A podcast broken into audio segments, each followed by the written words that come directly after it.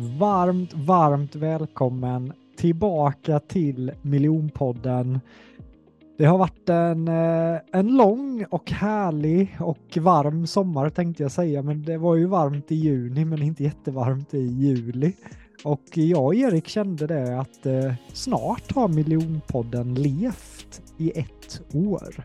Så att jag och eh, min vapendragare Erik kommer bara ha ett gött snack att eh, var det några guldklimpar som vi verkligen tog med oss från några av toppavsnitten? Vilket avsnitt gick absolut bäst? Vilket avsnitt var Eriks favorit?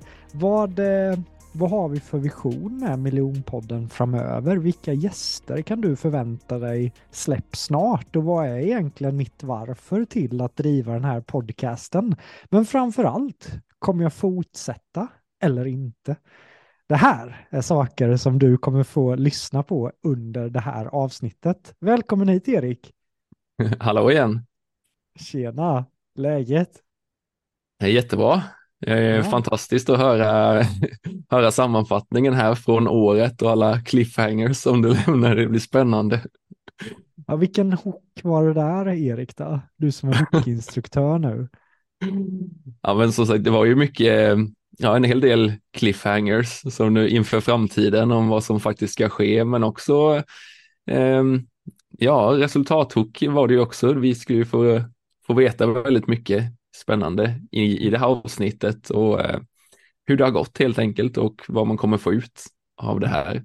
Så jag tror de kommer, du som, du som lyssnar nu kommer få ut väldigt mycket eh, genom att bara höra och vilja, vilja gå tillbaka och lyssna på många avsnitt om du inte har lyssnat på dem sedan tidigare.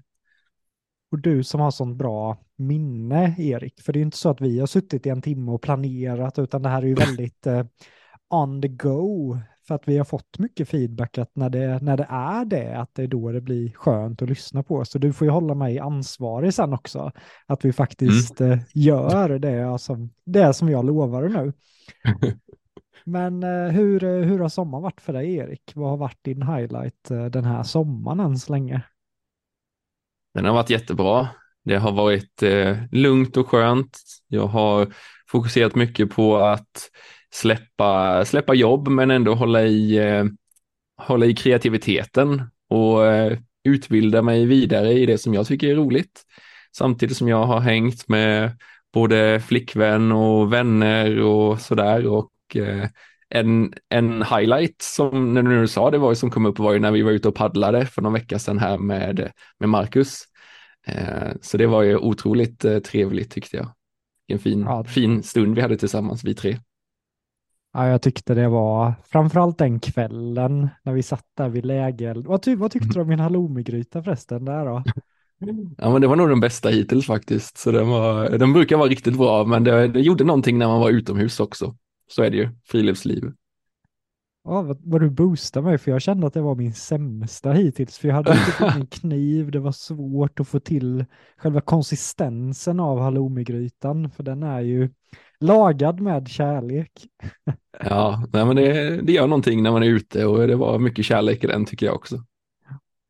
Men, men Erik, det är också du som det enda jag gör, eller det enda, det är jag som intervjuar i den här podden håller kontakt med gästerna, men, men det är faktiskt du som redigerar, inte för att vi redigerar speciellt mycket, men du lägger på intros, du lägger på outros, du laddar upp avsnitten.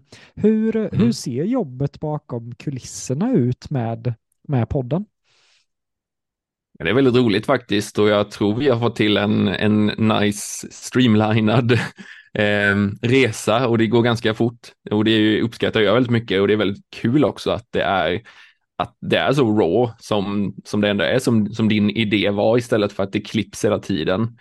Så egentligen är det bara att jag eh, Få ner zoom, zoom-filmen, gör om den till ljud, eh, lägger på intro och outro, eh, tar ut de bästa bitarna ifrån det Eh, och lägga upp det och skapa en sammanfattning och sen så även en fin liten bild på gästen också. Så eh, är väldigt, väldigt roligt varje, varje vecka att lyssna igenom det och eh, hitta en bra vinkel på det också. Mm.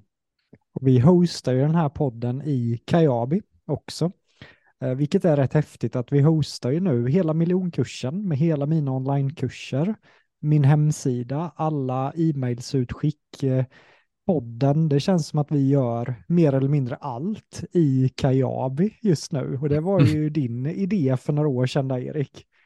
Mm. Det är häftigt hur det bara växer och växer och att vi använder hela systemet till det det faktiskt är byggt för också. Hur, eh, hur tycker du det har funkat att podden är så pass? Vi har gjort några fysiska intervjuer, bland annat i Toscana med Max. Eh, Magnus Helgesson var fysisk, Aron var fysisk. Vad eh, tycker du att det har funkat med att köra digitalt eller hur, hur känner du med det Erik? Ja, jag tycker nästan det är ännu bättre. Dels för att eh, ljud, ja, man kan sköta ljudet på ett helt annat sätt och sen så känns det som att gästen är liksom på sin, i sin safe zone på något sätt. I, ibland när, när man ska komma någonstans och bli intervjuad så är det kanske ganska nervöst och det är nya miljöer och sådär. Men att få vara hemma i sitt eget rum med sina prylar eh, känns också ganska tryggt ofta. Så jag tycker bara det har varit plus. Eh, hur känner du själv kring det?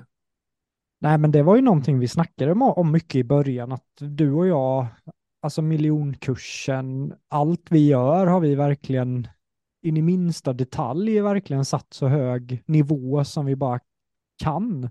Så jag var ju väldigt eh, ja, men nervös för i början att släppa någonting när jag visste att vissa avsnitt, vissa gäster har inte en bra mikrofon. Och vi hade ju som krav airpods i början, vilket var ett stort misstag, för vissa avsnitt i början blev ju väldigt, väldigt dåliga ljudmässigt. Eh, men det var ju antingen att trumma, sen, sen lärde vi oss ju att utbilda gästerna, vi satte krav på mikrofoner, så att det var ju det som varit spännande med det här året, att vi har ju lärt oss. Och nu tycker jag det är mycket bättre. Men det var ju det att antingen trummas det på ljudet lite grann eller så gör man inte podden alls. För jag menar, jag är ju ingen heltidspoddare. Jag kör kurser, föreläser, coachar för fullt. Podden är ju min mitt sidoprojekt just nu, så det hade ju inte finns, funnits en möjlighet för mig att göra det här om det hade varit fysiskt. Så om man vill mm. spara tid, om man vill vara smidig mot gästerna, för det digitala är så accepterat idag ändå, så tycker jag att det, det funkar klockrent. Och kollar man på Tim Ferris som driver en av de största poddarna i världen, han kör ju 95 procent av sina intervjuer digitalt. Ja. Jag tycker också det har varit jättebra. Vad, vad tycker du har varit, eh, liksom, vad, vad, är viktigast att tänka på när man kör digitalt? Om någon skulle fundera på att göra något liknande sånt här, vad, är det ljudet, är det bilden eller vad tänker du är det absolut viktigaste? Vad spännande Erik, nu vänder du. Jag är så van att intervjua och sitta och glassa och nu måste jag ju verkligen tänka till här. Jag skulle säga att det absolut viktigaste, ljudet är ju super superviktigt på ett sätt. Eh, har man dåligt ljud så kan man ju tappa sina lyssnare bara för att de känner att ja, men det är ett spännande ämne men det är inte bra. Och då när jag frågade en polare för ett tag sedan, eh, vad har du för mick? Och så rekommenderade han en mick för 30 000 och jag bara, men jag känner så dyra yeah. mickar behöver man inte. Erik, din mick till exempel, det mm. är en uh, rö röde va? Mm, precis den kostar väl runt tusen kronor ungefär. Ja, ett mellan ett och två, någonting sånt där. Ja. Mm. Och jag menar, det är ju inte jättemycket pengar om man är en föreläsare och coach som vill satsa på att leva på det här, för den kan du använda till att vara med i poddar, spela in webinars yeah. och hela rubbet. Så bara om man har en mick för runt ett och fem så kommer man väldigt, väldigt långt. Men sen det jag gjorde i mitt rum, det var ju att eko det är också väldigt viktigt att vilket rum är man i. Så i min källare här la jag ju en matta bara för att ta bort eko. Jag satt så här, i mitt tak sitter det som puffar för att ta bort eko. Mm. Jag har gardiner så att just ekot vill jag få bort i det här rummet. Och sen har ju Lukas varit den som har hjälpt mig mycket med ljussättning och hela rummet. Och i början var det som att jag tänkte att nej, men det spelar ingen roll, men men nu när jag har en studio här hemma så känns det proffsigt. Varje gång jag sätter mig och intervjuar någon så känner jag en viss stolthet över min studio och jag får ofta feedback för vilken bild du har, vilket ljud, och det känns bra, mm. så jag är väldigt glad över att jag faktiskt investerade och jag satsade på att lära mig det digitala och inte bara ha ett par airpods och en dator utan jag tog in Sibbe, Sibbe hjälpte mig, Lukas hjälpte mig, jag failade massa gånger men jag fortsatte göra jobbet och idag är jag självgående. Och det, det var viktigt för mig. Men sen mm. det andra jag har lärt mig mycket av, det är ju det jag har sagt till dig, att efter varje avsnitt så lyssnar jag på det. I snitt mellan två till tre gånger och jag analyserar mig själv som intervjuare. Jag hittade ett ticsord när jag intervjuade Marcus. Jag bara, åh, ah. spänn spännande. Eh, så det här ticsordet var, och jag störde mig, med, och jag tänkte skriva till dig, Erik, klipp bort det. Men samtidigt känner jag att jag vill bjuda in folk att ja, men om miljonpodden finns några år så ska man ju känna våran förflyttning också. Tixordet var just det, just det, just det. Ah. Uh, så att det, det var för en retoriker som mig så var det frustrerande men också kul för då har jag något att jobba på. Men många poddare som inte är skolade inom retorik har väldigt, väldigt mycket tics, ticsord. Så att eh, det är någonting jag letar efter och analyserar och jag, jag är stolt över vilket otroligt engagemang jag ändå har lagt i den här podden och det var inte tanken riktigt. Nej, det är kul att se hur du ska ha all cred tycker jag för ditt growth mindset. Eh, vi som, vi som har jobbat nä nära dig har ju liksom sett utvecklingen också. Så, eh, så det, det tycker jag du ska vara stolt över och ge dig själv en klapp på axeln om du inte har gjort det redan. Tack Erik. Jag menar i början var ju den här podden tänkt mer som ett sätt för att de som har gått miljonkursen ska ha en injektion av motivation två gånger i månaden. That's mm. it. Och då var jag ju nojig redan där, att hur ska jag kunna filma två avsnitt i månaden? Men nu har vi nästan till släppt ett avsnitt i veckan. Och det är research, det är församtal, det är intervjuer, jag läser deras böcker. Alltså det är ju rejält mycket mer tid än vad jag hade tänkt lägga på det här. Men nu är mm. det så här, podden sticker på topplistorna. Det är den sjätte största entreprenörspodden i Sverige just nu. Eh, det kommer in väldigt mycket försäljning via podden, vilket gör att jag har behövt lägga mindre tid på samtal. Så att eh, jag tycker man kan räkna på det på, ur det perspektivet också. Mm. Absolut. Skulle du kunna fortsätta där? Du sa att det kommer in mycket, mycket liksom, kunder och sådär från podden om någon inte förstår hur det flödet går till. Hur har du tänkt där och vad är det som gör att podden blir värt det liksom businessmässigt och sådär? Vad... Ja, det är jätte, vad roligt det är att bli intervjuad Erik. ja, ja, men det, jag tycker det är jätte, jättebra när du säger det. Så bara, ja, visst ja, det här behöver ju folk faktiskt veta, för det är ja. jätteintressant hur en podd kan hjälpa ens övriga business så mycket som man kanske inte tänker på i början.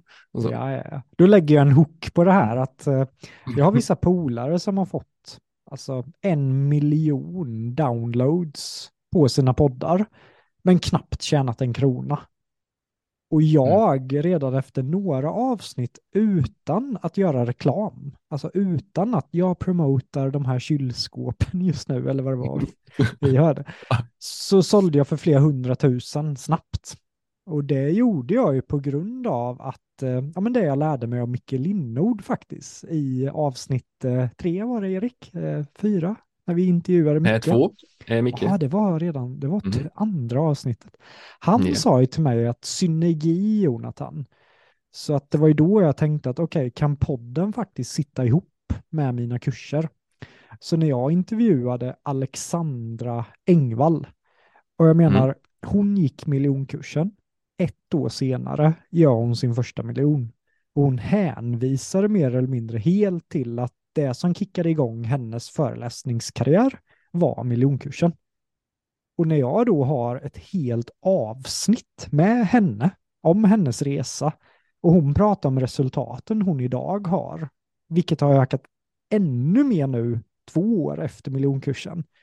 Alltså det blir väldigt, väldigt säljande för personer som är också intresserade av att kunna leva på sin dröm som föreläsare. Och kollar man på alla de jag har intervjuat, inte riktigt alla, men de flesta, Peppe Ekmark, jag byggde hans föreläsning. Ola Wallström, jag byggde hans föreläsning. Sandra-Stina, hon gick miljonkursen, blev signad av Athenas efter miljonkursen. Alltså det har smygits in så mycket reklam och ibland utan att jag ens tänker på det för kurserna på grund av att de jag intervjuar har fått enorma resultat. Och jag har fått mycket feedback att ja, men, även när jag intervjuar Aron så kläcker han att ja, nej men du har ju coachat mig och jag, jag tror folk undrar hur har Jonathan hunnit med? Så jag, eh, jag smyger in mina kurser i avsnitten utan att det känns säljigt. Fokuset är på värde, men det ska vara väldigt tydligt för folk att om de gillar det de hör i miljonkursen så ska de veta att miljonkursen är nästa steget. Mm. Ja, men det är ju en, en utmärkt eh, funnel, tänker mm. jag, för de som är, är sugna på att göra något liknande eller kanske har, har ett program som, som inte säljer så mycket eller som de vill ha med så är det ju ett utmärkt sätt att både visa sin egen kunskap som, som du gör och sen samtidigt ha gäster som också bjuder in till den kunskapen. Så jag tycker det här har varit ett superkul projekt och fortsätter att bara vara ännu roligare, känns det som för varje vecka mm. som vi gör det här. Så jag är också spänd på hösten som kommer här nu. Verkligen, och sen inte, alltså de samarbetsmöjligheterna som har öppnats upp, om man bara kollar på mig och Charlotte Dunhoff. Vi hade inte pratat så jättemycket innan jag intervjuade Charlotte. Och efter intervjun vi båda kände att oj vad vi klickar.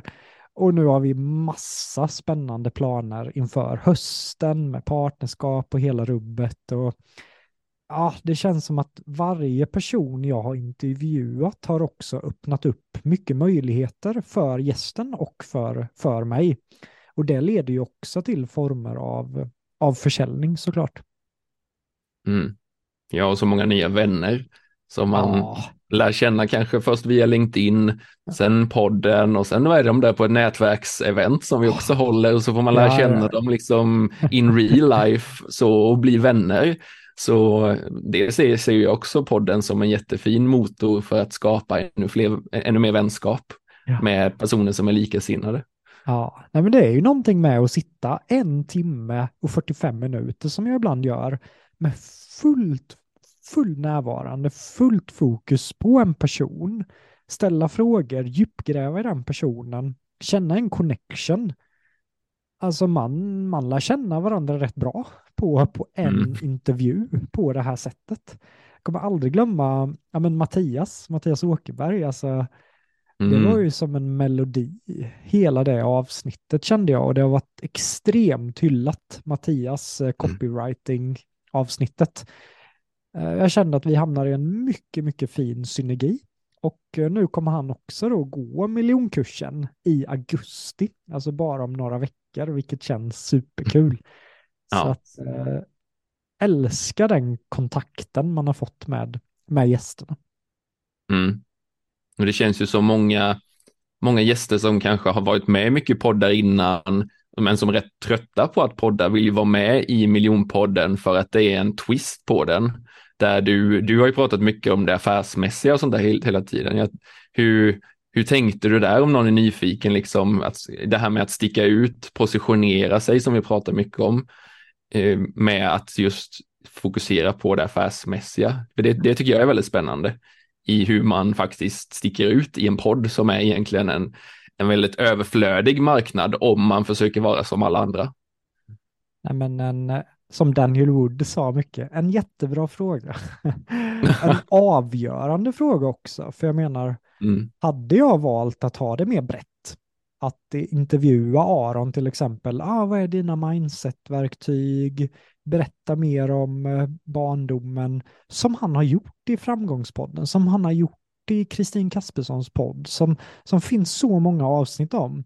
Så det jag ville komma med gästerna, det är låt oss prata pengar, låt oss prata business, låt oss prata det affärsmässiga.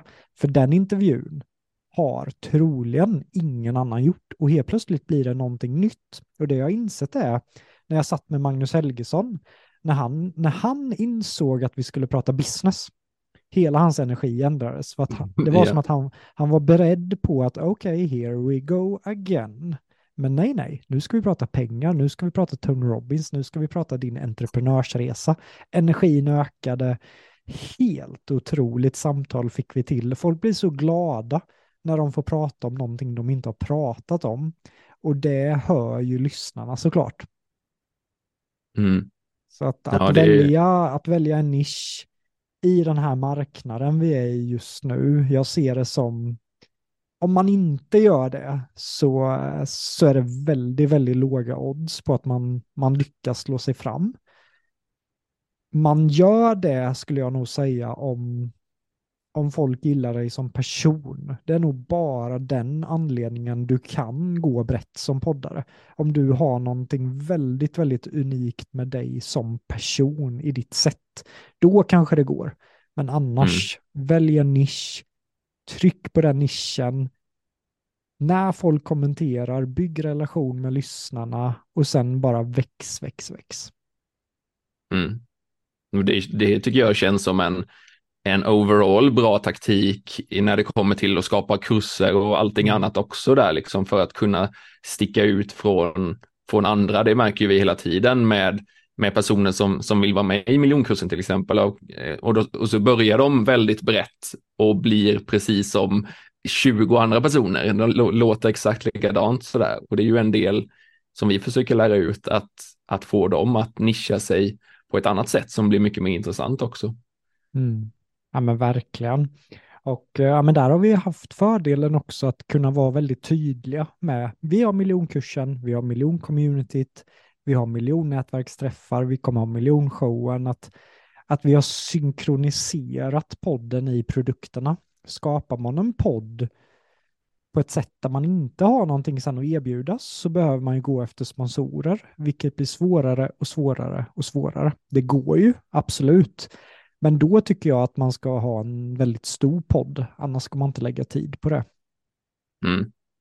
Ja, varje gång man tvingas ta en sponsor som man inte kanske känner fullt ut eller inte själv använder produkterna av och måste marknadsföra dem så blir kanske det blir mer eh, oautentiskt är ju det ordet som jag, jag, jag, känner ibland när en mm. podd om business eller personlig utveckling ska trycka fram eh, godis eller liksom något helt irrelevant eh, som poddaren måste bara stå ut med, känns det som ibland. Så det, ja. Ja, det var ju så tydligt när vi åkte hem från paddlingen när exakt det hände och man bara uh, what? Ja, ja, vad är det här för annons mitt i allt? Men eh, ja, jag eh, efter våran biltur så har jag ändå funderat på vilka skulle jag vilja ha som sponsor till till podden. Och det första mm. som dök upp är ju såklart Hoxherrgård, men de, de ja. är jag ju som en ambassadör för ändå. Vart jag än är så pratar jag om Hoxherrgård, det är ju mitt, eh, min borg, det är där vi kör miljonkursen ja. och, och hela rubbet. Så det kan jag ju stå för till, till 110 procent. Jag kommer ju in där och jag känner ju allt ifrån städaren till servitörerna. Alltså det mitt hjärta är ju, det är ju rött tänkte jag säga.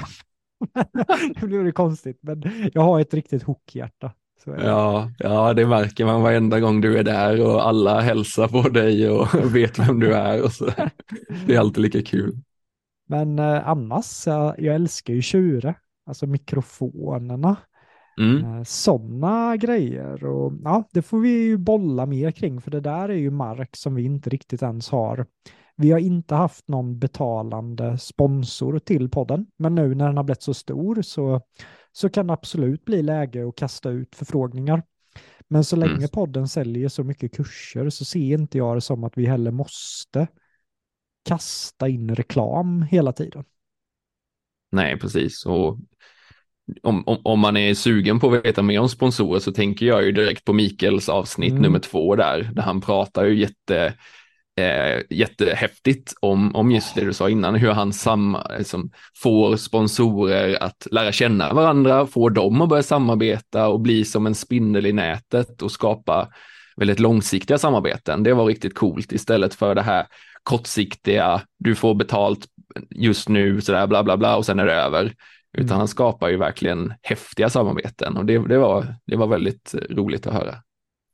Alltså shit vad grym, alltså du känns ju så naturlig Jag klev in i det här avsnittet och tänkte väl mer att jag ska intervjua dig, jag leder, men nu känner jag bara att jag slappnar av, du leder, du känns ju väldigt, har, har du gjort det här förr Erik? Eller är det här debut som faktiskt poddhost som jag nu Ja, men det är det ju faktiskt. Men eh, Ja. jag har ju tränat lite under miljonkursen och sådär Ja. också. Det är alltid, alltid roligt att ställa frågor och be någon förklara. Någon, det, vi, vi träffar ju så många som sitter på expertkunskaper. Så Mm. jag tycker också det är jättekul att ställa frågor till dem när de, när de är mycket bättre än en själv såklart.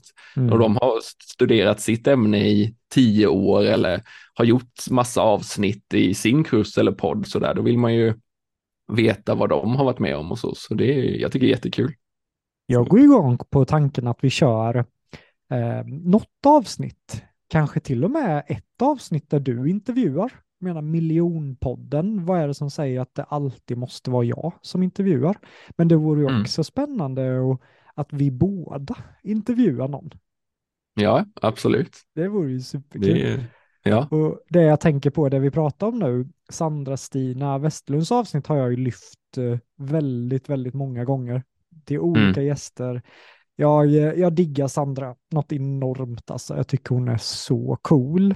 Men hon Ja. sa ju till mig i, i vårt avsnitt och det avsnittet har jag nog lyssnat på banne mig ah, fem, sex gånger säkert. Och Ja. hon sa ju det i det avsnittet att hitta en person som kan lasta av dig, hitta en person som, som du tränar upp, som, som kan vara där och det känns ju verkligen som att du har blivit den personen. Jag menar, du kan plocka kvällar på miljonkursen, du kan hoppa in och köra hookkursen. ABB lyfte dig till skyarna här i ett eh, e-mail när du var med och körde för hookkursen där och det är väldigt, väldigt tryggt att, kunna känna det nu att min största rädsla 2021 var ju faktiskt att bli sjuk 2022 också. Ja. Men nu 2023 har jag faktiskt inte, jag har inte haft den rädslan. Det spelar ingen roll, vi är i Toscana, ja om jag får feber, Erik är ju där, då tar ju han bara hela mastermindet. ja, precis. Nej, men Hur, hur känner jag- du själv med den rollen som du börjar? Nu, nu glider jag tillbaka.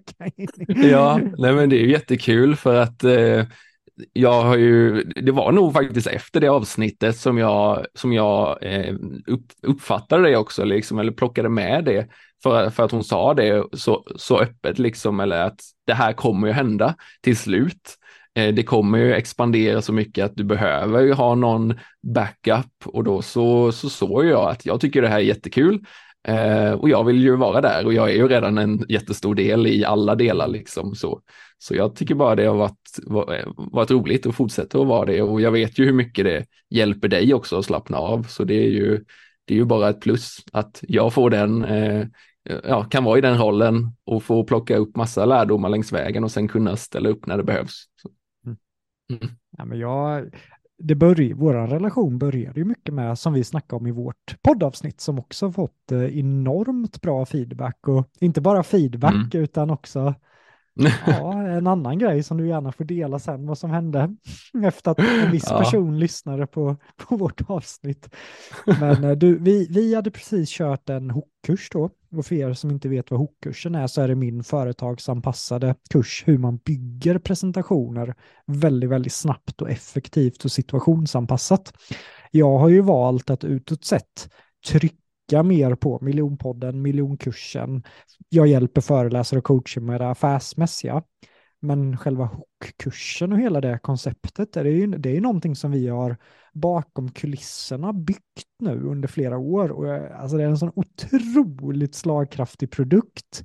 Vi har kunder som ABB, ICA, Fagerhus belysning som bara återbok. De är helt blown away över hookkursen och det är den Erik som vi ska göra gigantisk. Men det var ju efter vi hade kört för Kestit i Göteborg, har jag för mig, eller Stockholm. Mm. Nej men det stämmer. Ja, Göteborg. Göteborg. Och då hade du varit med och sett effekten av hookkursen på två dagar. Du fick se en person som gick från att knappt kunna ställa sig upp till att fullständigt briljera.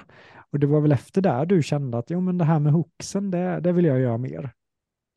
Ja, jo men eh, precis att kunna se den transformationen så snabbt. Jag, jag vet inte om jag har varit med om det innan, för jag är, jag är ganska van vid att eh, man får jobba med någon under längre tid och, och sådär liksom eh, för att de ska komma till dit de vill komma. Men att kunna se det på två dagars workshop, den transformationen, det var, ja, det var något helt nytt som jag hade sett och ja, där, där, där blev jag kär i, i hooksen på riktigt. Även om jag har jobbat med dem behind the scenes mycket så, så kändes det som att nu, nu, nu har jag bevis i mina egna ögon verkligen att det här är en game changer för så många personer som behöver detta.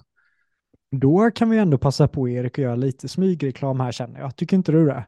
Jo, det, vi är här för att hjälpa så det är bara ja, att köra på. Just den, eh, den 11-12 september så kör vi ju våran andra öppna hookkurs. Och mm. våran första öppna hookkurs den blev ju alltså en enorm succé. Vi hade ju en högt uppsatt chef eh, som driver ett av Sveriges större utbildningsföretag och han sa ju det att eh, hookkursen är topp tre utbildning genom, genom, alltså genom alla de hundratals kurserna han har gått så, så gillar han hookkursen och satte den bland toppen. Och just eh, den kursen, det är två dagar fysiskt på Hooks herrgård. Det är digitalt material, det är Zoom-kvällar och det är en final. Förra finalen ledde du, Erik, och där, för den kursen mm. har vi ju faktiskt, eh, jag tror vi har fyra, fem platser kvar för den kursen. Mm. Och eh, sitter du nu och lyssnar och känner att jo, men det låter intressant så, så är mitt löfte att den kommer överträffa dina absolut vildaste förväntningar över vad en kurs faktiskt kan skapa för dig och dina presentationer för, för resten av ditt liv. Det kan jag också intyga. Den är så mycket mer än en vanlig kurs. Och så mycket mer interaktiv och eh, ja, som jag sa, den transformationen som jag varje gång blir blown away av det. Ja, jag, jag har inte sett något annat tidigare, så det är så häftigt att, att den kan hjälpa så många på så kort tid. Men jag tänker att vi ger en miljonpodd-rabatt på den också, Erik. Så standardpaketet kostar mm. ju egentligen 17 000. Men eh, om du fyller i ansökan, vi länkar det här under avsnittet också, och så skriver du bara miljonpodden så kan du få den här kursen för 30 13 000 exklusive moms. Och då kommer du troligen inte behöva oroa dig för att bygga presentationer framöver. Mm. Det tycker jag är klockrent. Kul. Jag har ju inte pitchat någonting på hela sommaren, så jag bara kände att vad skönt att få pitcha någonting. ja, det är bara att passa på. Det är ja. ju, ja, vi ska ju, ska ju vara en, en höst som är inte lik någon annan tidigare. Ja, shit vad vi har mycket mm. att se fram emot. Mm. Allt ifrån miljonkursen, men vi snackar ju också om att skapa ett av de största eventen som har gjorts för föreläsare och coacher genom tiderna och fylla Oscarsteatern med tusen föreläsare och coacher under en hel dag. Men sen mm. om det här blir till hösten eller om det blir februari 2024, det får vi vilja se. Det är yeah. nya masterminds på G, det är hookkurser, eh, det är verkligen nätverksevent som vi också verkligen har börjat få rullning på, våra nätverksevent. De är jag väldigt, väldigt stolt över. Vad, eh, vad annars är du mest taggad på till, till hösten, Erik? Ja, förutom det är det ju um, miljonkurs-fortsättningarna också. Um, så det fortsätter ju bara bli nya personer som, som är där och varje gång en miljonkurs är så, så, så, så, känner jag nu kommer jag få tio nya vänner här. Mm. Så jag älskar ju det och sen även då med poddens fortsatta personer som dyker upp här ska också bli väldigt spännande. Jag vet ju att du har, du har många, många inbokade eh, personligheter och sådär så eh, det, det ser jag verkligen fram emot. Allting som, eh, ja, allting som, som ger värde till den som lyssnar och som kan hjälpa den på mm. Ja, dig som är med här nu. Så vi ska göra det så, så mycket som möjligt. Mm. Snyggt Erik. Vet du själv vilket avsnitt som just nu är det mest lyssnade avsnittet Erik? För det var en av de grejerna jag lovade i min cliffhanger. Mm. Ja, jag eh, tror i alla fall att det är Andreas Ögren. Det, det är, det är korrekt. Det är korrekt, ja. Vilket är eh, imponerande också med tanke på att eh, han var ju ganska nyligen ändå. Mm. Han är avsnitt bara- nummer 32 för dig som är nyfiken. Avsnitt nummer 32. Så når du världseliten. Så blir du världselit. Och det Mm. jag gillade när man analyserar vad var det som gjorde det avsnittet så bra. Jag kände väl att dels har han gått miljonkursen så jag hade ju råkoll på Andreas så det var väldigt enkelt för mig. Och jag har ju fått jättemycket feedback, du är så påläst. Och, men det handlar ju inte om att jag sitter så mycket och läser deras kurser utan det handlar ju om att de går miljonkursen, jag blir polare, vi har massa samtal. Och, och på det kunde jag ju bygga den intervjun med Andreas. Men Andreas är ju själv också poddare, så han driver sin egna podd, Mm. vilket gör att Mm. ljudkvaliteten på det avsnittet blev säkert det bästa. Jag hade bra ljud, Andreas hade bra ljud. Och sen att vi, på samma sätt som vi synkar utanför podden, synk, det blev en viss kemi mellan oss under det avsnittet. Så rekommenderar det starkt alltså. Ja, så häftig story, så häftiga, häftiga erfarenheter som han har och så kunnig som han är. Jag, jag såg nu bara på, på hans stories att han är i USA igen på en fem dagars utbildning och bara fortsätter och fortsätter och fortsätter att utbilda sig och det är ju så häftigt med någon sån som redan är bland de bästa i världen och som bara fortsätter att suga in den senaste kunskapen, den senaste forskningen och så. Så eh, Bra jobbat Andreas, fortsätt så. Ja. Vet du, Erik, vem som är det näst mest lyssnade avsnittet? Det skulle jag nog säga har varit en eh, långvarig regent eller en, eh, ja men Palwasha tänker jag, som har, har hållit den länge till Andreas gick om. Så Pal, Palwasha Facey Mm. skulle jag nog eh, gissa på i alla fall. Du Mm. har ju råkoll du, Erik. Palwasha var ju länge nummer ett. Och det Mm. roliga med hennes avsnitt är ju att snart är det ju ett år sedan som jag intervjuade Palwasha. Och Ja. kollar man på hennes resa, jag kommer behöva intervjua Palwasha igen nu snart, för jag menar hon, hon gör ju saker i Sverige som bara, jag bedömer att hon är, om inte redan nu så är hon det inom några månader, Sveriges bäst betalda föreläsare och coach. Kanske till och med genom tiderna. Ja, jag skulle, Med- jag skulle också gissa på det. kollar man på hennes, eh, jag kanske slänger mig lite med nummer, men om jag rundar av nerut så omsatte hon ju över 6 miljoner och då rundar jag av nerut, jag tror det var mer. Då omsatte hon 6 miljoner på en månad. Och då har Ja. jag ju ändå jobbat med vissa av de största, la la la. Och det är väldigt, väldigt få föreläsare och coacher som går över 7 miljoner på ett år. Mm. Så att eh, sanslöst imponerad över, över Palwashas år. Mm. Ja, och hur hon fortsätter och hur mycket hon tar hand om sitt community. Det, jag vet inte hur många jag har hört som, som hänger med henne på morgonen och får hennes mindset eh, och bara kicka igång dagen på det positiva sättet som hon kan och så.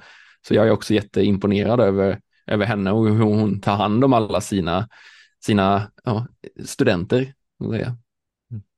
Jag, jag känner väl mest bara att jag får kämpa för att hänga på henne. Alltså det är, men, men jag går ju igång på det. Och, och jag ser det som en ära att folk, om det är två namn som jag har börjat blivit väldigt betingad med, att folk hoppar runt mellan våra kurser så är det ju Joella Skogs kurs och hennes coachning och hela rubbet, Palwasha och jag och miljonkursen. Så det är många som har gått Palwasha som går mina, många som går miljonkursen går sen vidare till Palwasha. Så att jag tänker att någon gång vore det Mhm. häftigt att köra ett mastermind, jag, Palwasha och Joella. Verkligen, det hade varit ett dream team. Den som går den utbildningen, det blir, det, den, får, den får väldigt mycket. Mm.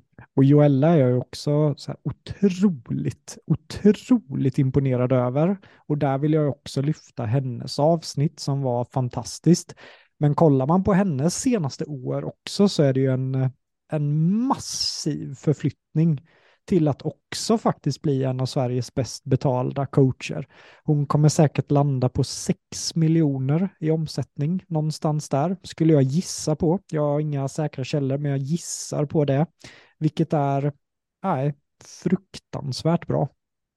Mm. Ja, med tanke på den livsstilen som hon hela tiden eftersträvar och det hon pratar om, liksom att inte hassla som, som väldigt många andra pratar om, speciellt i USA såklart.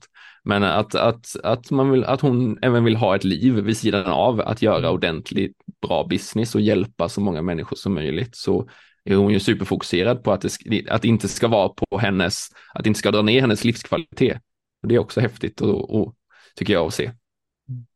Vilket tycker du är det bästa avsnittet som inte har fått så mycket kanske spridning eller fokus eller som du känner att det här avsnittet borde ändå mer lyssna på? Ja, jag skulle nog säga Ola Wallström, för det är ett avsnitt som träffade mig väldigt bra. Och eh, eh, Ola är nummer sju eh, i listan. Eh, så, och det, det avsnittet det är ganska annorlunda också tycker jag, för att många andra där pratar vi ju just om de här business och målsättning och, och sådär. Men Ola kom in med en annan vinkel just för att han har varit där. Men har också gjort en vändning i livet att fokusera ifrån det och, och istället vara nöjd med det han har just nu och inte jaga någonting mer. Så när han, när han förklarade det så tyckte jag det var väldigt, det var väldigt skönt, för jag personligen var inne i ganska mycket tankar kring framtiden och, och där och jaga lite personer och så. så ja, så när jag hörde honom så kunde jag slappna av och jag kände hur mina axlar typ sjönk ner och bara, ja, jag har det väldigt bra. Jag är jättetacksam för det jag har just nu. Jag behöver inte ha någon stor vision som jag hela tiden jagar, utan att jag kan vara jättenöjd med det jag har just nu och fokusera på det istället för att stressa upp mig själv som jag gjorde då i stunden med, med en, en tanke kring framtiden. Då. Hur kände du kring Olas avsnitt? Jag kände verkligen exakt så som du kände att det var ju mitt inför den 17 oktober förra året när du och jag skulle samla 70 alfa-föreläsare, coacher i ett rum under 15 timmar. Så det här är inte heller någon så här en timme för, nej nej, det här är en hel dag där vi då samlar några av Sveriges mest framstående föreläsare och coacher, där vi också då skulle lansera ett community. Eh, och då, det communityt skulle vi då hunnit bygga, det ska pitchas, hur ska vi göra det? Mm. Så att eh, jag ringde dig vid midnatt vissa kvällar och alltså slet ju håret av mig för att eh, det låste sig lite där. Jag, jag, tror jag satte främst, främst att det var jag som gick in i prestation, att här skulle jag då jag tror en av mina utmaningar som entreprenör är att jag blir så pass nära vän med de som går miljonkursen. Det blir mina vänner, mina polare. Och med mm. communityt då skulle jag ju då sälja till mina vänner. Och det var en väldig skillnad på att ringa någon som jag knappt känner och sälja in miljonkursen, vilket jag kan göra i sömnen, tänkte jag säga. Men, men, att sälja till mina vänner, där mötte jag motstånd. Där gick jag upp i huvudet, där blev det jobbigt. Eh, så att Olas avsnitt kom in mitt där och eh, där han tryckte mer mm. på, men ha kul, njut mm. av det. Och det är jätteviktig påminnelse. Ja, jag tyckte också det när istället för att se just det där framtiden så bara, men hallå, vi, vi har lyckats dra ihop 70 stycken personer som vi älskar jättemycket Mm. Eh, och alla vill komma och bara hänga med oss och ha asgött. Kan vi inte bara njuta av det en stund liksom istället för att bara, eh, ja, men som du sa, vara uppe i huvudet och mm. tänka massa annat och sånt där. Liksom bara, men, se det som är fram, precis framför oss, som han också säger där. Liksom, kolla vad du har precis framför dig nu och, och bara vara tacksam för, för det. Så det var, nej, det var så välbehövligt att, att höra just då. Mm. Nej, det var, vilken fantastisk dag det blev. Alltså, det var, vi hade ju hyrt mer eller mindre hela spa-avdelningen. Alltså, det blir ju, mm. det blev en dag som jag aldrig kommer glömma. Ja. Nej, det var så fint. Jag, jag, jag, jag kommer, kommer ihåg när jag, när jag kom tillbaka till mitt coworking-ställe och så frågade de hur var dagen och, så här, och jag var det var en av de bästa dagarna i hela mitt liv. Mm. För det var så mycket glädje, så mycket kärlek, så mycket vänskap. Eh, så jag var, jag var helt blown away och bara mm. wow, nu ska jag ta in det här. Eh, verkligen njuta av det. det mycket tack vare Olas avsnitt. Ja, snyggt. Det var ju folk som skrev på LinkedIn som var, men vilka är ni? vad, vad gör ni? Jag vill köpa köpa det som gör att man kan få vara en del av det där. Mm. Utan att de ens visste vad det var så ville de köpa saker av oss helt plötsligt. Så det, ja, det var häftigt att uh, den där energin har jag ju bara känt när jag har varit på Tony Robbins event och grejer när folk står och hoppar och skriver. Men, men just att vi lyckades skapa den energin, uh, det var uh, mäktigt. High five på det. Ja, verkligen high five och high five om du som eh, lyssnar var med då också. Ja. Så eh, får du gärna dela med dig av ditt, ditt bästa minne från det, den dagen i höstas. Ja, verkligen. Men, men det tycker jag är någonting vi hör genomgående från, från miljonkurserna, från Italien och våra masterminds och nätverksevent, att vi lyckas skapa en atmosfär som många inte riktigt har varit i innan. Vad är det vi gör, tror du Erik, som gör att vi faktiskt lyckas med det? Inte bara en gång, men säkert en 25 gånger nu ju. Ja, ja ehm, alltså det första jag tänker på är ju att vi, vi samlar likasinnade. Vi har ju hört så många gånger om eh, de som precis har startat upp kanske eller hållit på ett tag men är så ensamma. Och det tycker jag är så fint när vi när vi skapar kurserna och sådär och att någon kommer hemifrån och kommer till ett sammanhang där andra fattar det man vill och, det, och lyssnar och bara shit vad coolt istället för att kanske ha andra vänner som inte alls är i den här världen och som inte förstår ett dugg av vad man försöker åstadkomma. Så bara att samla de personerna där eh, är ju ett steg i det. Och samt, samtidigt som vi också visar oss sårbara det är också en stor del. Eh, Peppe, Peppe Ekmarks eh, avsnitt där ni pratar mycket om blottläggning och sånt. Det, det är ju eh, bland det finaste när man får höra vad, vem en person är på riktigt. Bakom alla fina titlar och eh, pengar som de har tjänat och vad de har gjort och allting sånt där. Men vad har de för svårigheter? Vad har de kämpat med för att komma dit de är idag, de som kommer då? Och det är ju där vi lär känna dem på riktigt. Så vad känner du själv är en, någon faktor till att skapa den atmosfären eller något annat du tänker? Men jag tycker du sa många bra grejer. Jag menar din, din story har ju varit som en katalysator tycker jag till att få folk att släppa på, på garden. Så dels kommer vi in med det sårbara, men sen också att vi jag försöker i alla fall tänka på att ligga på en lite högre vibe än vad folk kanske är vana vid.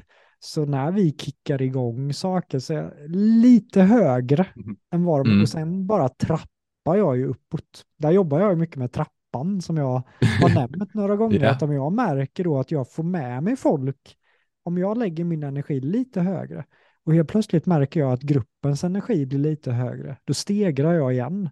Och om jag märker att de hänger med och hänger med och hänger med, och så att jag till exempel tar dem till nivå 8, vilket jag tycker att det blev i den 17 oktober, då, då kan jag ta fram gitarren och köra en låt. Då kan jag få folk att dansa. Så att kan jag förflytta folk uppåt i energin så kan jag stegra med saker som vi adderar på.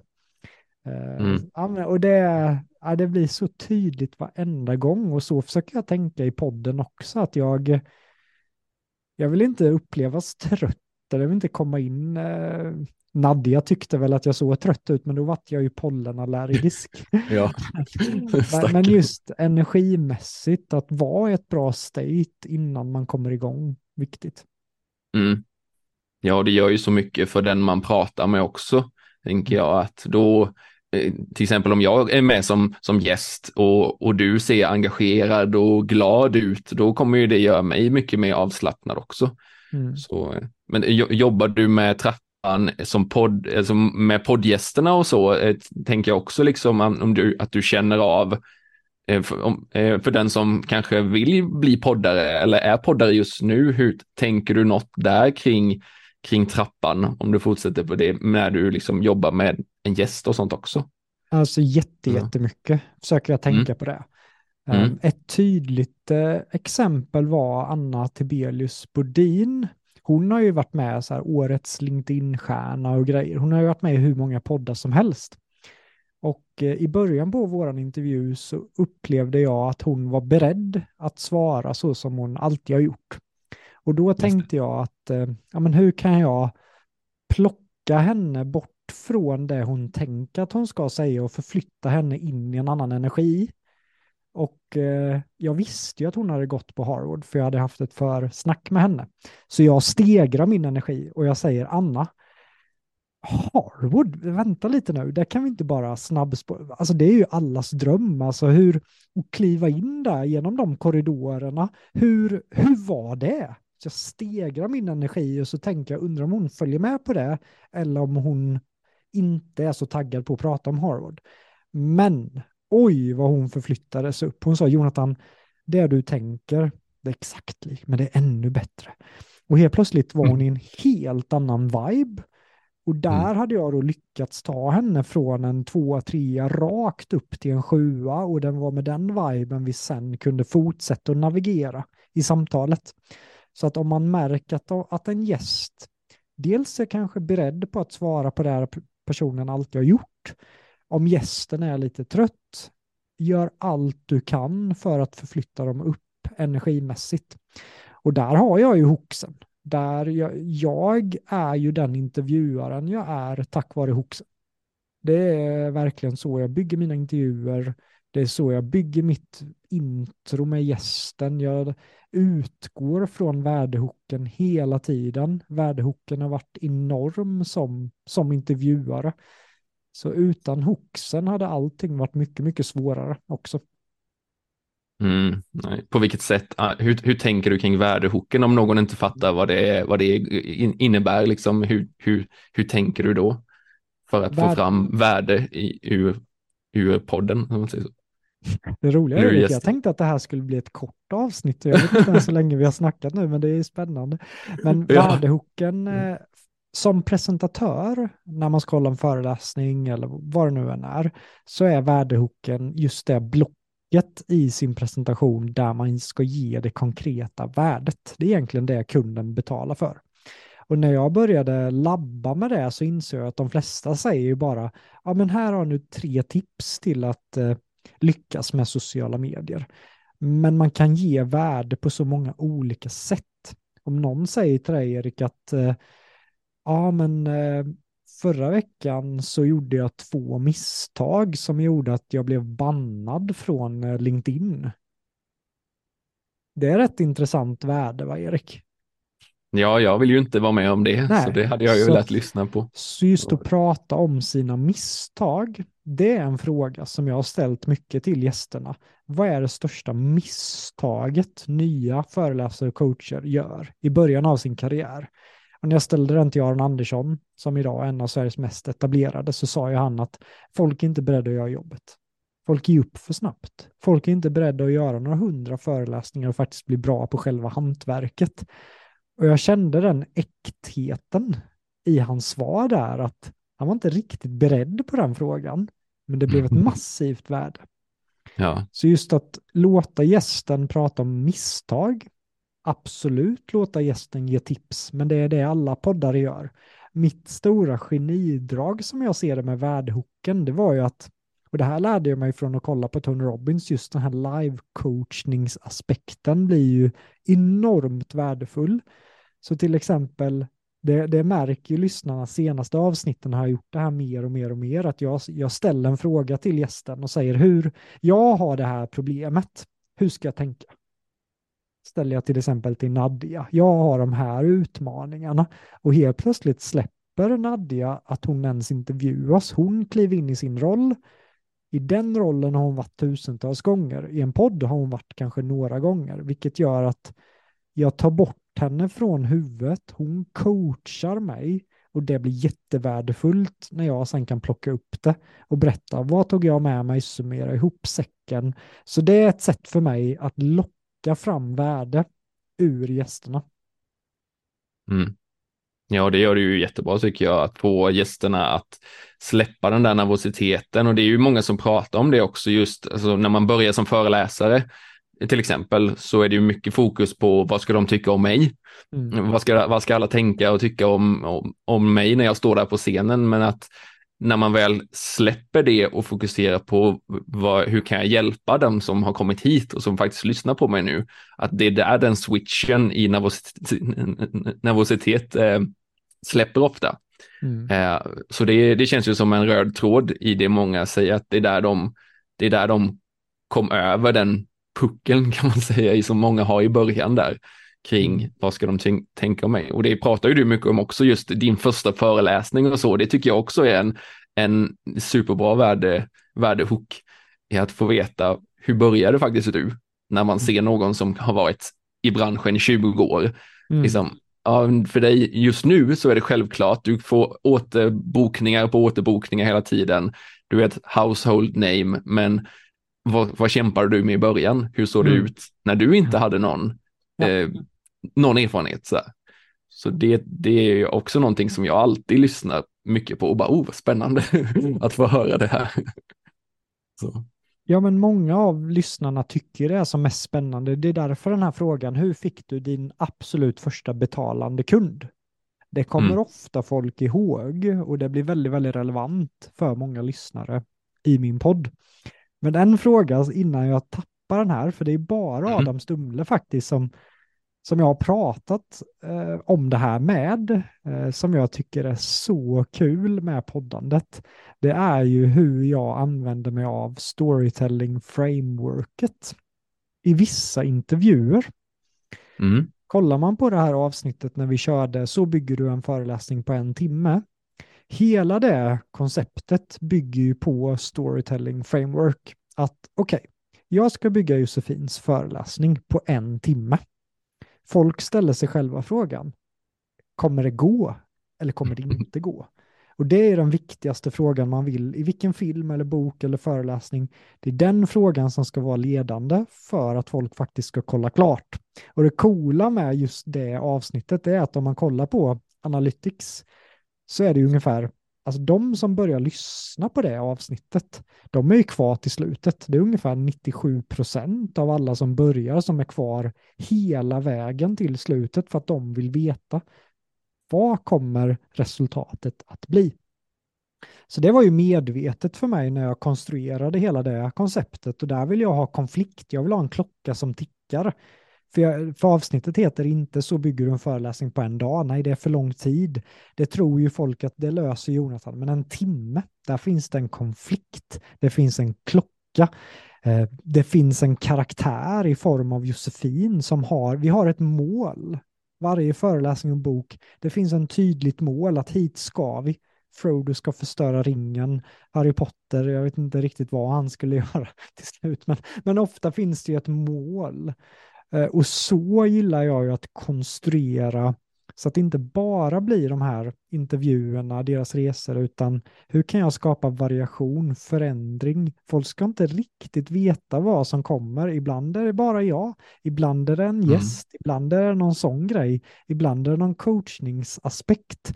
Så det ska bli spännande när det pingar till att det är ett nytt avsnitt, att undra vad 17 Jonathan har hittat på nu. Och vi har ju massa spännande idéer med till exempel att intervjua en beslutsfattare som köper in personer som oss. Det är ju jättespännande, det är nytt, det har aldrig gjorts innan.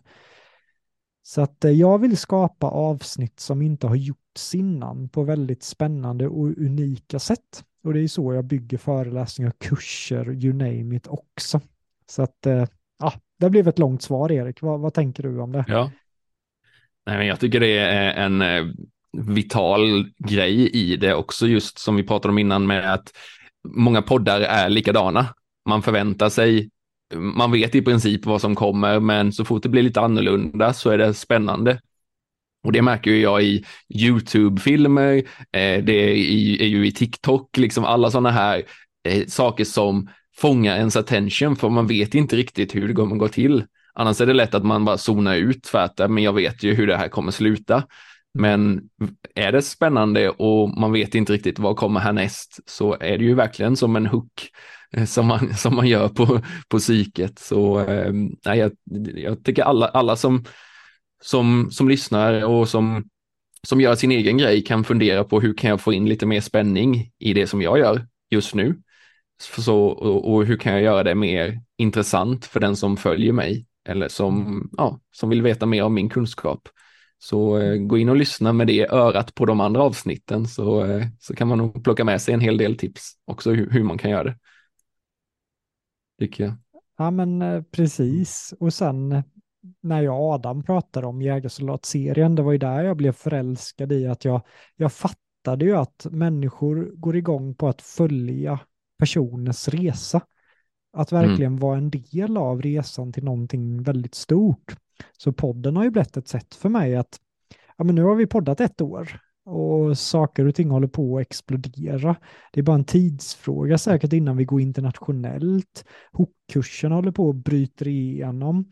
Men vi vet inte. Det kan ju lika gärna gå i konkurs. Nej, det hoppas jag inte. Men, men man vet inte. Ja, det är det lyssnarna vet ju inte det heller. Så det är många mm. som undrar, vad ska du göra nästa år? Vad för plan? Vad, vad är din femårsplan? Eh, men genom podden här nu så får folk vara med. Ja. På ett sätt. De får vara med på resan och det är ett sätt för mig mer eller mindre. Det är som en dagbok. När jag lyssnar på Max Sten och vi sitter där i Toscan och skålar med rödvin. Det, det här är en, en lång, lång resa där folk får vara med när vi tar någonting och smäller upp det till stjärnorna. Vilket grymt svar. alltså, ja, det blir verkligen coolt att, ja. att se vad, vad vi är om ett år till när vi sitter och gör det här. Ja, då gör vi ännu ett review-avsnitt.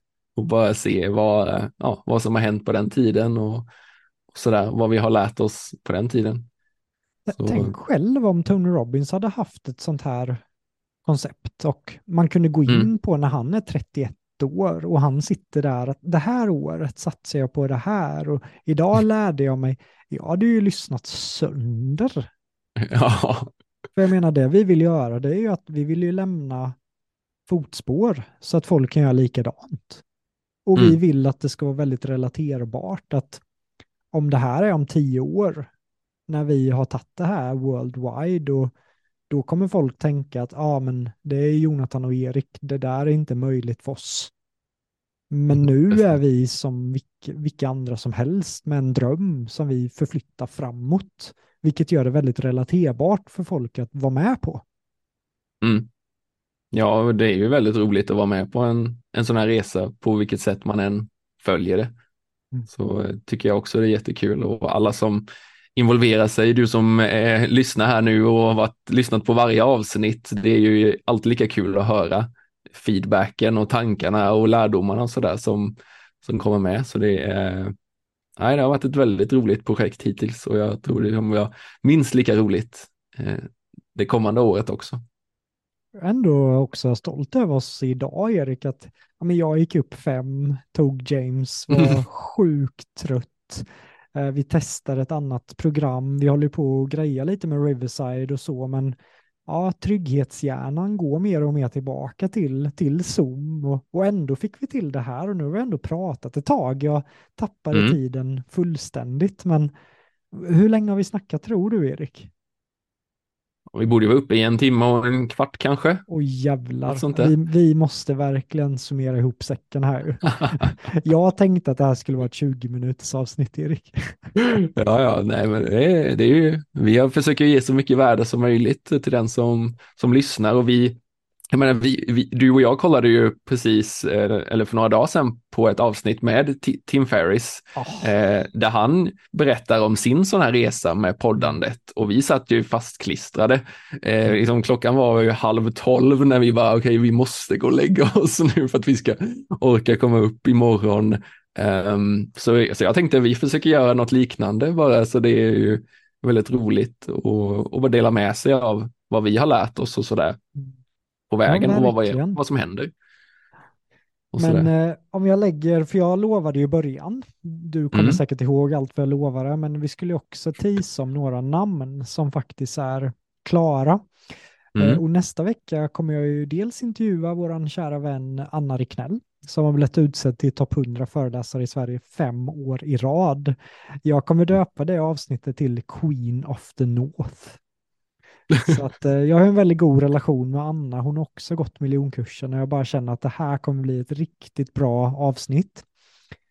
Jag kommer också intervjua en av världens främsta hundtränare som genom det har tjänat mm. sina miljoner som föreläsare och författare, Maria Brandell.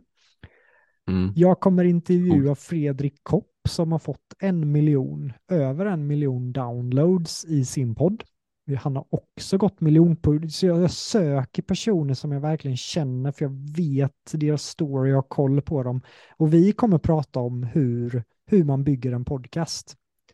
Men egentligen kommer, alltså tanken var ju att han skulle ställa lite mer frågor av det du har ställt till mig idag. Men det blir, det blir främst jag som leder den intervjun. Vi har, jag skulle intervjuat Jesper Karon som mm. Alltså tyvärr lämnade oss alldeles för tidigt. Och eh, under avsnittet med Frida Boysen så sa jag att jag skulle göra ett hyllningsavsnitt om Jesper och Karon. Och nu kommer Malin, hans fru, vara med i det hyllningsavsnittet. Så jag och Malin kommer prata om Jesper och vad vi tog med oss och lärde oss och inspirerades av mest med Jesper. Och det kommer bli ett, eh, ett väldigt fascinerande avsnitt. Så att äh, jag har åtta, åtta intervjuer nästa vecka. Så jag är wow. spänd verkligen. Men oh. mycket förväntansfull. Jag, eh, jag tycker det är så kul. Eh, det är ju, det jag har tagit upp innan låg jag alltid och tänkte på föreläsningar, att hur kan jag tweaka den här föreläsningen? Men nu är det ju verkligen podden som har hägrat i min skalle så att eh, sjukt taggad på att fortsätta. I alla mm. fall ett år till.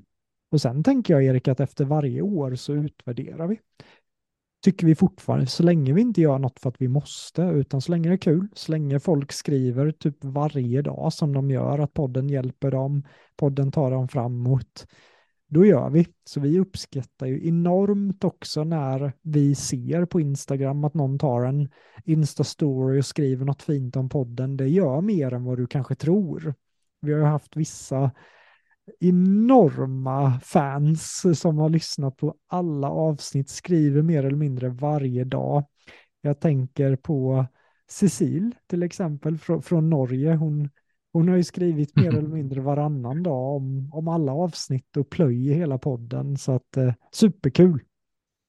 Ja, ja men jag, ty jag tycker också det, att bara få se det som man gör på sin egen lilla kammare och så får man se det på, i verkligheten, vad det, hur det faktiskt kan hjälpa någon och ibland till och med förändra deras riktning i livet genom att bara dela med sig av sin kunskap eller som du gör, liksom, suga ut kunskapen ifrån någon annan. Um, för både lära sig själv och sen kunna hjälpa någon annan. Det är, det är win for all, känns det som. Så jag är också oerhört taggad på vad framtiden kommer ge i, i det, på detta formatet. Mm. Ja, nu kör vi Erik. Har, har vi tagit det mm. mesta mm. som jag sa i början av, av avsnittet eller har jag missat något? Jag har i alla fall ett avsnitt som jag vill ge lite extra cred till eh, innan mm. vi bryter också. Ja, nej, men vi kan ju hoppa in i, i det avsnittet som du, som du tänker på. Är det något speciellt? Ja, det var absolut avsnittet med Daniel Wood. Ja. Eh, och eh, ja, men ett avsnitt som förtjänar också mer traction och mer folk som verkligen hyllar det avsnittet. För jag menar, jag tror jag har lyssnat på det fyra gånger. Det här handlar om ekonomi. Det är en sak att mm. tjäna mm. pengar, men hur förvaltar man pengar? Så när vi då analyserar den av världens kändaste ekonomiböcker, Rich Dad Poor Dad, med Daniel då som känner Robert och Kim, som hade total inblick i den här boken. Jag var så imponerad. Det här har ju ändrat hela mitt sätt att hantera pengar och, och vissa av de grejerna som han sa, till exempel det i slutet så bara i farten säger han hur Robert investerar. Att eh, om han lägger in en investering på 100 000 dollar på Amazon och jag plötsligt går, går det här upp och då ringer hans, ja vad ska du göra nu Robert? Ta tillbaka mina 100 000, låt vinsten ligga där och bara växa nu. För då betyder det att det han har på Amazon är ju pengar som egentligen bara har vuxit. vinst. Mm. Och så har jag börjat se över i min portfölj nu. Till exempel SSAB hade jag ganska mycket i och hade gått eh, rejält med vinst, ungefär 40 procent. Så jag tog bara tillbaka de pengarna jag hade satt in. Satt in det på en trygg indexfond, för Daniel sa ju också att om man inte har tid att lägga några timmar om dagen på att läsa på om aktier och de här grejerna, håll dig till index. Men jag tänker att jag vill ändå ha en lekhink också. Men jag tog tillbaka de pengarna från SSAB, satte in dem på index. Nu rullar ju bara min vinst där. I utdelningar och mm. hela rubbet. Och det är så jag känner att det där var smart. Och tänk mm. ett helt avsnitt med massa sådana tips. Jag tyckte det var helt otroligt. Ja, jag tror också det kommer vara ett avsnitt som, som jag tar med mig under lång tid Eh, och som man kan gå tillbaka till och ja, just det, och det och sen det där. Han var ju väldigt, väldigt duktig på att förklara tyckte jag också, Daniel. Eh, det var väldigt enkelt att hänga med, även om man kanske inte är jätteinsatt i den världen ännu så tyckte jag att han gjorde det väldigt spännande och pedagogiskt att förklara och eh, gjorde det ja, men intressant att faktiskt testa, gå in mer där, även om det kan vara läskigt för, för många som lyssnar säkert, om man inte kommer från den bakgrunden. Så eh, jag tycker också man ska gå in och lyssna på, på Daniel Woods avsnitt. Så mm. snygg shout-out. Ja, den, eh, det förtjänar han. Mm. Och äh, det finns så många jag vill ge en shoutout till.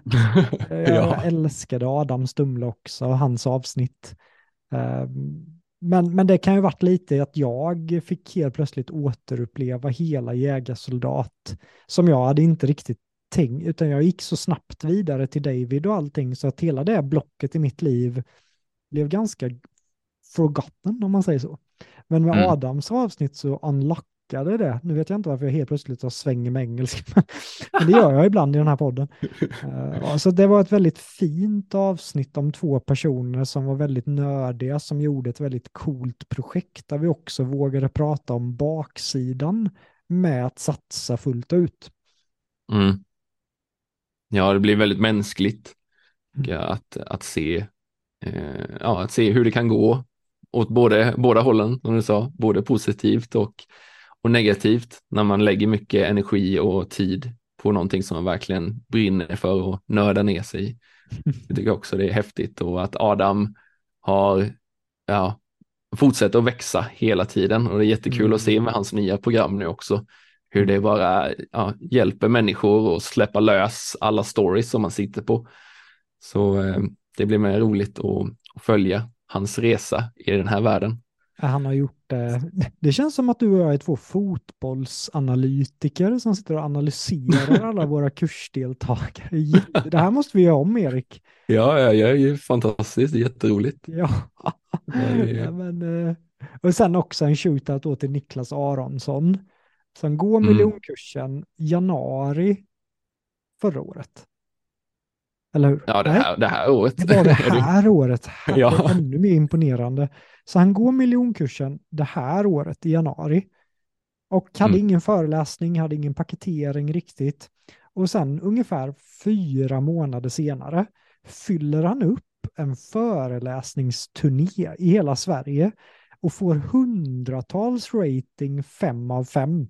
Men han gick ju inte bara miljonkursen, han gick ju miljonkursen, han fick coachning av dig, plus han gick hookkursen och fick enskild coachning av mig. Så han, han gjorde ju mer än bara miljonkursen. Men ändå, ja. han fick ett breakthrough på fyra månader.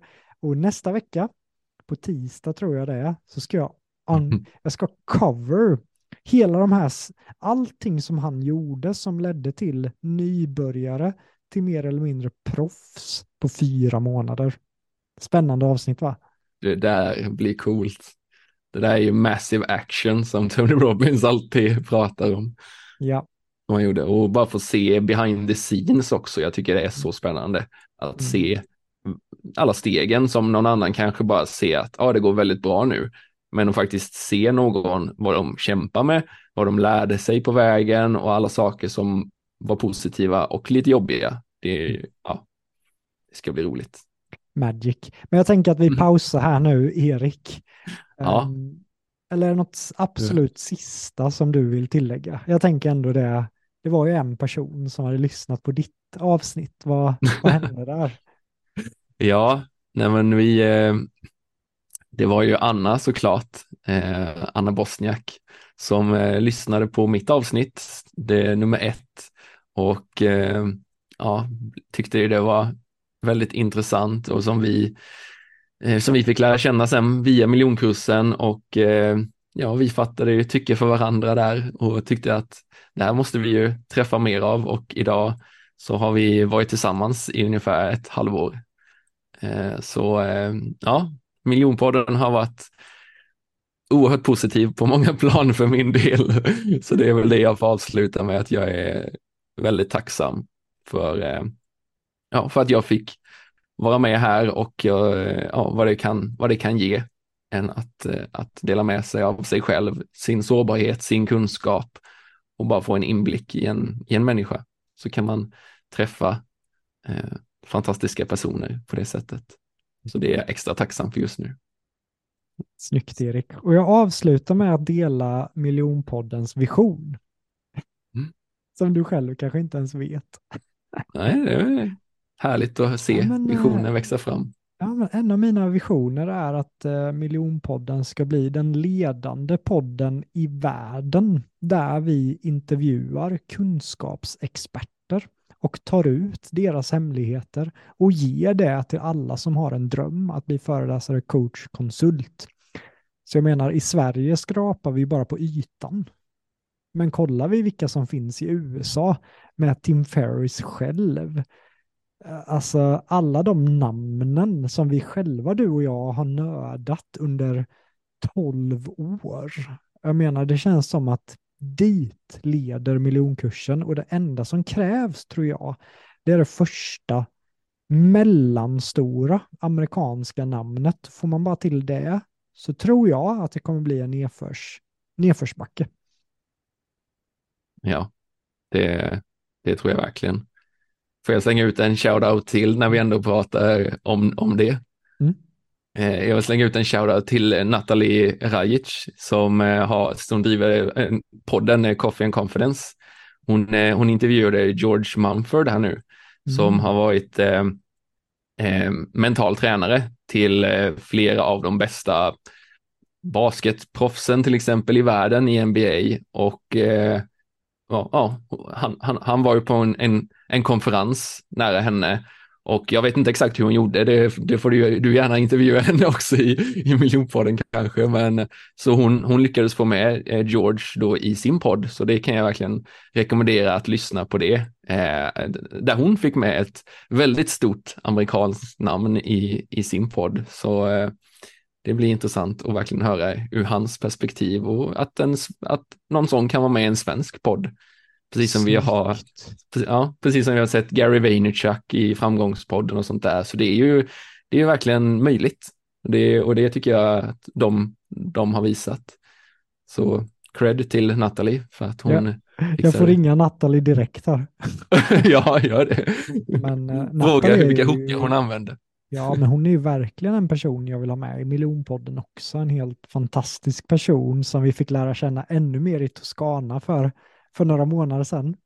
Mm. Nej, Erik, det känns som att jag kan snacka hela dagen. Nu lägger vi ja. på. Stort ja. tack för att du har lyssnat på avsnittet mellan mig och Erik och eh, idag då har miljonpodden funnits i ett år. Det skulle betyda jättemycket för oss om du printscreenar miljonpodden, lägger upp en Insta-story, taggar oss eller hjälper oss på något sätt att sprida miljonpodden. För ett annat mål vi har nu kommande året är att någon gång toppa listan på iTunes inom entreprenörskap. Idag ligger vi på sjunde plats kopplat till Sveriges största podd inom entreprenörskap.